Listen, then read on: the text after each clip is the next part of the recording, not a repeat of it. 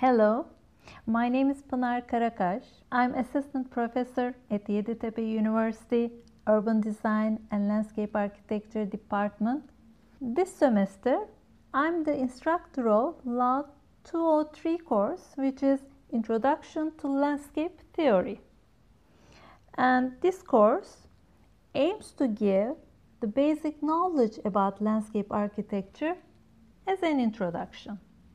And throughout this semester, we will be studying the basic concepts of landscape theory, the basic elements of landscape design, basic procedures of landscape architecture studies at different scales, and preparation of landscape projects, and so on. And during this course, I'm going to share all the documents needed through the Google Classroom, and I expect all the class to keep track of this platform to be in touch with me all the time.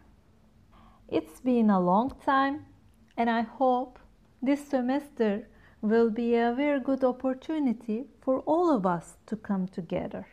I hope to see you all in my class soon. Bye.